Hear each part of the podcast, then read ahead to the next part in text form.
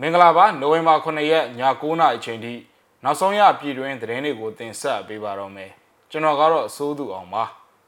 စလင်ကြီးမြို့နယ်ကကြေးရွာသား17ယောက်ကိုစစ်ကောင်စီတပ်ကလက်နောက်ပြန်ကျိုးတုပ်ပြီးမီးရှို့တတ်ခဲ့တယ်လို့ဒေသခံတွေကပြောပါတယ်ကမ္ဘောဒီးယားဝန်ကြီးချုပ်မြန်မာပြည်ကိုဇန်နဝါရီလဆန်းပိုင်းမှာလာဖို့ရှိနေပါတယ်မန္တလေးကဒူရဲချုပ်အောင်နိုင်သူနေအိမ်ဘုံပြစ်ခံလိုက်ရပါတယ်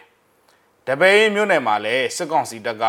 စစ်ရဟန့်ရင်အသုံးပြုပြီးတော့ပြစ်ခတ်ခဲ့ပါတယ်။နိုင်ငံတကာသတင်းတွေဘက်မှာတော့ဂျပန်တထေးကြီးကို ISS ရုရှားကပို့ဆောင်ပြီးအာကာသခီးသွွားလုပ်ငန်းပြန်လည်စတင်တော့မယ်လို့သိရပါတယ်။ဒီအကြောင်းတွေပါဝင်တဲ့နောက်ဆုံးရပြည်တွင်းနဲ့နိုင်ငံတကာသတင်းတွေကိုတင်ဆက်ပေးပါတော့မယ်။စကိုင်းတိုင်းဒေသကြီးစလင်းကြီးမြို့နယ်ဒုံတော်ကျွော်ကကျွော်သား17ယောက်ကို ဒီကနေ့မနက်မှာစစ်ကောင်စီတပ်ကလက်နောက်ပြန်ကျိုးတုပ်မီးရှို့တပ်ဖြတ်သွားကြောင်းဒေသခံတွေကမျက်စိမှကိုပြောပါတယ်ဒီကနေ့ဒီဇင်ဘာ9ရက်နေ့မနက်၈နာရီကျော်မှာစစ်ကောင်စီတပ်တွေကအိမ်စီကာ3စီးနဲ့ဒုံတော်ကျွော်ကိုတနက်ပစ်ခတ်ဝင်ရောက်လာပြီးရွာမြောက်ပိုင်းကနေအိမ်တစုကိုဝိုင်းပစ်ကာအဲ့ဒီနေအိမ်စုမှာနေတဲ့သူတွေကိုကိုင်းတော်တနေရာမှာမီးရှို့သွားခဲ့ကြတာလို့ဒုံတော်ရွာသားတယောက်ကပြောပြပါတယ် လူမှုကွန်ရက်စာမျက်နှာမှာပြန့်နှံ့နေတဲ့တမနစ်ခွဲနီးပါးရှိတဲ့ဗီဒီယိုမှာလူတစုကိုမီးဆွဲလောင်နေစဲမှသည်မီးလောင်ကျွမ်းထားတဲ့ရုပ်ပုံတွေကိုသွေးခွက်တွေနဲ့တွေ့ရပါတယ်။ပြန့်နှံ့နေတဲ့ဗီဒီယိုဟာအသက်ခံရတဲ့ဒုံသောရွာသားတွေဖြစ်ကြောင်းဒေသခံရွာသားတွေကအတိပြုပြီးစစ်ကောင်စီတပ်ထွက်ခွာသွားချိန်မှာရွာသားတယောက်ကရိုက်ကူးခဲ့တာလို့ဆိုပါတယ်။အဲ့ဒီအိမ်စုလေးကရွာပြင်နားမှာဆိုပေမဲ့ကျွန်တော်တို့ရွာကပါပဲ။ စစ်ကောင်စီတပ်သားတွေကအဲ့ဒီဝိုင်းလေးကိုစခန်းဆိုတဲ့အထင်နဲ့စစ်စင်ရေးတစ်ခုလိုလာပြီးဝိုင်းတယ်ပြီးတော့ကိုင်းတော်တွေတဲကနေစက်တနက်တွေလက်နက်ကြီးတွေနဲ့ဇက်တိုက်ပစ်တယ်အဲ့လိုမျိုးလုပ်ပြီးအိမ်လေးလုံးကလူတွေကိုဖမ်းပြီးအခုလိုမီးရှို့သွားတာဗျအပြန်အလှန်တိုက်ပွဲဖြစ်တာမျိုးမဟုတ်ပဲဗလိုင်းကြီးလာပြီးလှုပ်သွားကြတာလို့ဒုံသောရွာသားကပြောပြပါတယ်အကိုလုံးကိုစုချီထားပြီးတော့မီးရှို့သွားကြတာလူရုပ်မပေါ်အောင်လှုပ်သွားကြတာ အများစုကလူငယ်တွေပါတယ်အဆက်အသွယ်ပြန့်နေတဲ့သူတွေအများကြီးရှိတော့ဘဒုရဲဆိုတာကိုအတိမပြုတ်နိုင်သေးပါဘူးလို့သူကဆက်လက်ပြောပြပါတယ်စလင်းကြီးမျိုးမြောက်ဖက်6မိုင်အကွာမှာတည်ရှိပြီးအင်ဂျီ900လောက်ရှိတဲ့ဒုံတော်ကျွော်ကိုအာနာသိန်းစစ်ကောင်စီတပ်တွေအရင်ကလည်းနှစ်ကြိမ်တစ်တိုင်လာရောက်ရှာဖွေမှုတွေပြုလုပ်ခဲ့ဘူးပါတယ်ကျွန်တော်တို့ဘက်ကတနက်တစ်ချက်တောင်မပြည့်ရဘူးအခုလိုကြီးကြွတင်ပြင်ဆင်ပြီး လက်နက်မရှိတဲ့ပြည်သူတွေကိုတတ်သွားတာတော့အတော်လေးနာကြည့်မိတယ်တိုက်ပွဲမှာအပြန်အလှန်ပြစ်လို့ကြာဆုံးရတယ်ဆိုရင် ဖြေသာသေးပါတယ်ဗျာကျွန်တော်တို့ဘက်ကတော့ရတဲ့နည်းနဲ့ဒီစစ်အာဏာရှင်ကိုဆက်လက်ပြီးပြင်းပြင်းထန်ထန်တော်လှန်သွားမယ်လို့ဒုံသောရွာသားတယောက်ကပြောပါတယ်လက်ရှိအချိန်မှာအဲ့ဒီစစ်ကောင်စီတပ်သားတွေဟာဒုံသောရွာနားမှာရှိတဲ့လင်းငင်းတောင်ရွာဘက်မှာတပ်ဆွဲထားတယ်လို့လည်းသိရပါတယ်ခင်ဗျာ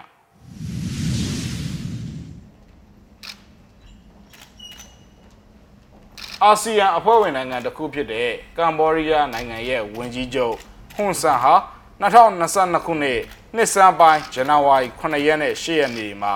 မြန်မာနိုင်ငံကိုလာရောက်ဖို့ရှိတယ်လို့ကမ်ဘောဒီးယားအစိုးရသတင်းစာတွေက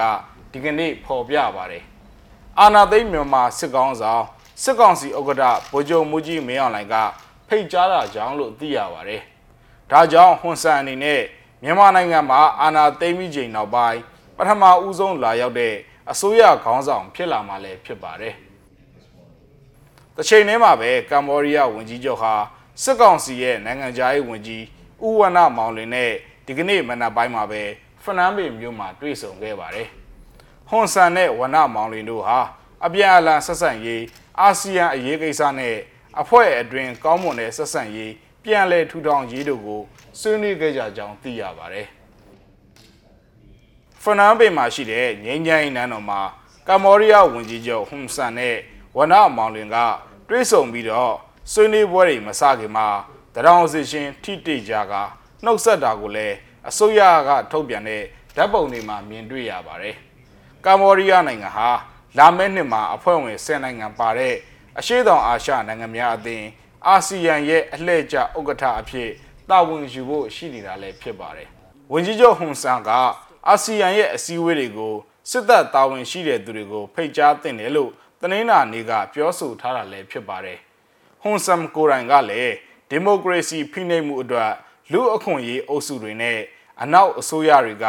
ဝေဖန်မှုတွေနဲ့ရင်ဆိုင်နေရသူလည်းဖြစ်ပါတယ်။ဖေဖော်ဝါရီတရက်နေ့မှာဒေါ်အောင်ဆန်းစုကြည်အစိုးရကိုဖျောက်ချပြီးမြန်မာထိပ်ပိုင်းခေါင်းဆောင်တွေကိုစစ်တပ်ကဖမ်းဆီးခဲ့တဲ့အဖွဲ့ဝင်မြန်မာနိုင်ငံအရေးနဲ့ပတ်သက်လို့ အာဆီယံအဖွဲ့ဝင်တွေအနေနဲ့တဘောထားကွဲလွဲလျက်ရှိတာလည်းဖြစ်ပါတယ်ခင်ဗျာ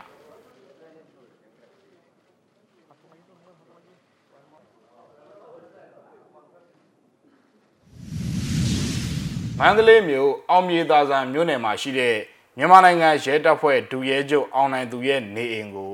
ယမနေ့ဒီဇင်ဘာ6ရက်ညနေပိုင်းမှာဘုံပြစ်တိုက်ခိုက်ခဲ့ကြောင်းမန္တလေးအခြေစိုက်ပြည်သူ့ကာကွယ်ရေးတပ်ဖွဲ့ မန္တလေး PDF ကသတင်းထုတ်ပြန်ပါတယ်။ထုတ်ပြန်ချက်မှာအောင်မြေသာဆန်မြို့နယ်14လမ်းနဲ့88လမ်းဝန်းကျင်မှာရှိတဲ့မြန်မာနိုင်ငံရဲတပ်ဖွဲ့ဒူရဲချုပ်အောင်နိုင်သူရဲ့နေအိမ်ကိုဘုံနဲ့ပစ်ခတ်ခဲ့ပြီးနေအိမ်ခြံဝင်းအတွင်းမှာရှိတဲ့မော်တော်ယာဉ်တချို့ထိခိုက်ပျက်စီးကလူထိခိုက်မှုရှိမရှိကိုမသိရကြောင်းဖော်ပြထားပါတယ်။အောင်မြေသာဇန်နှင်းစီချံဘက်ကအိမ်ကိုဘုံပစ်ခံရတာဟုတ်ပါတယ်။လူထိခိုက်တာတွေကတော့မရှိပါဘူးလို့ ဒူရဲကျုံနဲ့နှီးဆက်တဲ့အတိုင်းဝိုင်းကအမိမဖော်လို့သူတယောက်ကလည်းအတီးပြုတ်ပြောပါတယ်။အခုတိုက်ခိုက်မှုဟာရန်ကုန်ကြီးမြင့်နိုင်ဆန္ဒပြပွဲမှာလူငယ်တွေကိုကားနဲ့တိုက်တက်ခံရမှုအတွက်လက်တော့ပြန်တာဖြစ်ကြောင်းမန္တလေးအခြေစိုက်ပြည်သူ့ကာကွယ်ရေးတပ်ဖွဲ့ကပြောဆိုထားပါတယ်ခင်ဗျဆက်လက်ပြီးတော့စကိုင်းတိုင်းဘက်ကိုပြန်သွားရအောင်ပါစကိုင်းတိုင်းဒေသကြီးတပိန်းမြို့နယ်အနောက်ဘက်ဂျန်ကအောင်စီမြေကျွရနာမှာ စစ်ကောင်စီတပ်ကမြေပြင်လက်နက်ကြီးတွေအပြင်စစ်ရဟတ်ရင်တွေနဲ့ပါပြစ်ခတ်ခဲ့ကြောင်းဒေသခံသတင်းရင်းမြစ်တွေစီကသိရပါတယ်ဒီမနက်ကပြစ်သွားတာပါအကြအဆုံးစီးရင်ကိုတော့အခုထိအတီးပြုလို့မရသေးပါဘူးနှစ်ဖက်အထိခိုက်တော့ရှိပါတယ်လို့ဒေသခံသတင်းရင်းမြစ်တစ်ခုဖြစ်တဲ့ Voice of Debating ကတာဝန်ရှိသူတယောက်က KNG သတင်းဌာနကိုပြောပြပါဗျ။ဒီဇင်ဘာ9ရက်မနက်9နာရီဝန်းကျင်ကစလို့တပိန်းမြို့နယ်အောင်စီမြေကျွော်ကို လက်နက်ကြီးအချက်50ထံမှနဲ့ပစ်ခတ်ခဲ့ကြောင်း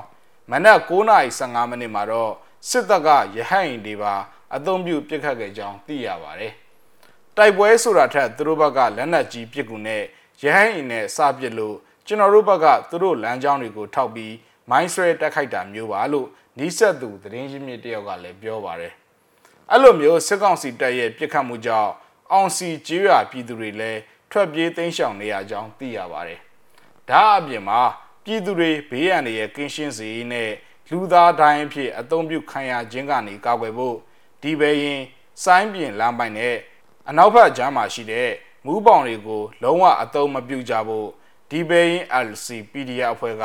တိုက်တွန်းထားပြီးတော့မိမိဒေသကိုစစ်ပေးရှောင်တွေရောက်ရှိလာရင်လည်းညီရင်းမောင်နှမတဖွဲကုညီစောင့်ရှောက်ကြဖို့ကိုလည်းမေတ္တာရက်ခံထားပါတယ်ခင်ဗျ ဆက်လက်ပြီးတော့နိုင်ငံတကာသတင်းတွေဘက်ကိုတွားရအောင်ပါဂျပန်တထေးကြီးကို ISS ရုရှားကပို့ဆောင်ပြီးတော့အာကာသခီးသွွားလုပ်ငန်းကို ပြန်လည်စတင်มาတော့မယ်အပြည့်အစုံကိုကြည့်လိုက်ရအောင်ပါမော်စကိုအစိုးရဟာဆယ်စုနှစ်တခုကြာဆိုင်းငံ့ထားပြီးတဲ့နောက်ယခုတကပြန်လည်အသက်ဝင်လာတဲ့အာကာသခီးသွွားလုပ်ငန်းပြန်လည်စတင်ခြင်းအထိမ်းအမှတ်အဖြစ်ဂျပန်လူမျိုးဘီလီယံနာတထေးကြီးယူဆာဂူမီဇာဝါကိုနိုင်ငံတကာအာကာသစခန်း ISS သို့ ပို့ဆောင်ပေးတော့မှာဖြစ်ပါတယ်။ဂျပန်နိုင်ငံရဲ့အချမ်းသာဆုံးအမျိုးသားတူဖြစ်တဲ့အသက်46နှစ်အရွယ်မီဇာဝါဟာ၎င်းရဲ့လက်ထောက်ယိုဇူဟီယာနိုနဲ့အတူကာဇက်စတန်ရှိဘိုင်ဂိုနောအာကာသစိတ်ကမ်းကနေထွက်ခွာမှာဖြစ်ပါတယ်။ဒီနေ့ကနေ့နနက်ပိုင်းမှာဂျပန်အလံနဲ့အတူ၎င်းတို့ရဲ့ MZ logo တစိမ့်ပါတဲ့ဆိုယူအာကာသယာဉ်ကိုဘိုင်ဂိုနောအတွက်ပုံမှန်မဟုတ်တဲ့ဆိုဆွတ်တဲ့ရာသီဥတုအတွင်းမှာပဲလွတ်တည်ရေးစင်မော်ကိုပြောင်းရွှေ့ခဲ့တယ်လို့ AFP သတင်းတောက်ကဆိုပါတယ် 2009ခုနှစ်ကနေဒါနိုင်ငံကစာကီတူဆိုးလက်ပူးတွဲတီထောင်သူဂိုင်လာလီဘာဒေးနောက်ပိုင်းဆယ်စုနှစ်တခုကြာရန်နာထားခဲ့တဲ့ရုရှားအာကာသခီးသွွားလုပ်ငန်းကိုဒီခီးစဉ်နဲ့ပြန်လည်စတင်မှာဖြစ်ပါတယ်။ဒါပေမဲ့တမိုင်းဝင်ပထမဆုံးနေ့နဲ့အော်တိုဘာလအတွင်းကရုရှားအာကာသအေဂျင်စီ Roscosmos ကမင်းသမီးယူလီယာပယ်ရီဆယ်နဲ့ဒါရိုက်တာကလင်ရှီပန်တို့ကို ISS သို့ပို့ဆောင်ပေးခဲ့ပြီးပြိုင်ဘက် Hollywood project တွေကိုဖျက်ကျော်ကြိုးပမ်းမှုအဖြစ် ကဘာဘတ်လမ်းကြောင်းအတွင်းပထမဆုံးရုပ်ရှင်ကိုရိုက်ကူးခဲ့ပါတယ်။ရုရှားရဲ့အာကာသလုပ်ငန်းဟာခင်မီအာကာသပြိုင်ပွဲအတွင်းအနောက်တိုင်းပြိုင်ဘက်တွေနဲ့ရင်မောင်းတန်းနိုင်အောင်ရုန်းကန်နေရတဲ့အတွက်မီဇာဝါကိုပို့ဆောင်မှုဟာရုရှားအတွက်ကြီးမားတဲ့စိန်ခေါ်မှုတစ်ခုဖြစ်ပါတယ်။ပြီးခဲ့တဲ့နှစ်ကဘီလီယံနာ Elon Musk ရဲ့ US company SpaceX ဟာ၎င်းရဲ့ Crew Dragon အာကာသယာဉ်အတွင်းကအာကာသယာဉ်မှုတွေကိုပတ်လန်းအတွင်းကဓာတ်ခွဲခန်းအတွင်းကိုပို့ဆောင်ခဲ့ပြီးတဲ့နောက်ရုရှားရဲ့အာကာသလက်ဝကြီးအုပ်မှုကျဆုံးသွားပါတယ်။ဒီအတွက်မော်စကိုကိုအခကျင်းငွေပေးဆောင်ကြရတဲ့မီဇာဝါလိုခီးသွားတွေကိုလက်ခံခွင့်ပြုပေးထားတဲ့ရုရှားရဲ့ဆိုယုအာကာသဒုံးမြန်တွေပေါ်မှာထိုင်ကုန်နေရာလွတ်တွေရှိလာခဲ့ပါတယ်။အဆိုပါ၃ယောက်ဆန့်ဆိုယုအာကာသယာဉ်အား ISS ကိုနှစ်ကြိမ်တွားရောက်ခဲ့ပြီးပြီဖြစ်တဲ့အသက်44နှစ်အရွယ်ရုရှားအာကာသယာဉ်မှူးအလက်ဇန်ဒါမီဆာကင်ကမောင်းနေမှာဖြစ်ပါတယ်။ သူတို့နှစ်ယောက်ဟာစီးရင်သွင်းသူ9သိန်းခွဲရှိတဲ့မီဇာဝါရဲ့ YouTube Channel အတွက်၎င်းတို့ရဲ့ခီးစဉ်ကိုမှတ်တမ်းတင်ဖို့စီစဉ်ထားတဲ့အာဂဒစကန်မှာ12ရက်ကြာနေထိုင်မှာဖြစ်ပါတယ်။တတိကြီးဟာဂျပန်နိုင်ငံရဲ့အကြီးဆုံး online fashion mall ကိုတည်ထောင်သူဖြစ်ပြီးနိုင်ငံရဲ့နံပါတ်စဉ်30မြောက်အချမ်းသာဆုံးပုဂ္ဂိုလ်ဖြစ်ကြောင်း Forbes ရဲ့အချက်လက်တွေအရသိရှိရပါတယ်။ကျွန်တော်ရဲ့ခံစားမှုတွေကြောင့်ကျွန်တော်ငိုရလူလူဖြစ်ရတယ်။ဒါကတိတ်ကိုအထင်ကြီးစရာပဲလို့ နိုဝင်ဘာလနှောင်းပိုင်းကဘိုင်ကိုနောမှာပြင်ဆင်မှုတွေပြုလုပ်ဖို့ရောက်ရှိနေတဲ့မီဇာဝါကဆိုပါတယ်။မီဇာဝါနဲ့ဟီယာနိုတို့ဟာဆိုဗီယက်နဲ့ရုရှားအာကာသယာဉ်မှုမျိုးဆက်သစ်တွေအတွက်ပြင်ဆင်ထားတဲ့မော်စကိုမြို့အပြင်ဘက်က Star City မှာလာအနှဲငယ်ကြာလေ့ကျင့်မှုတွေပြုလုပ်ခဲ့ကြပါတယ်။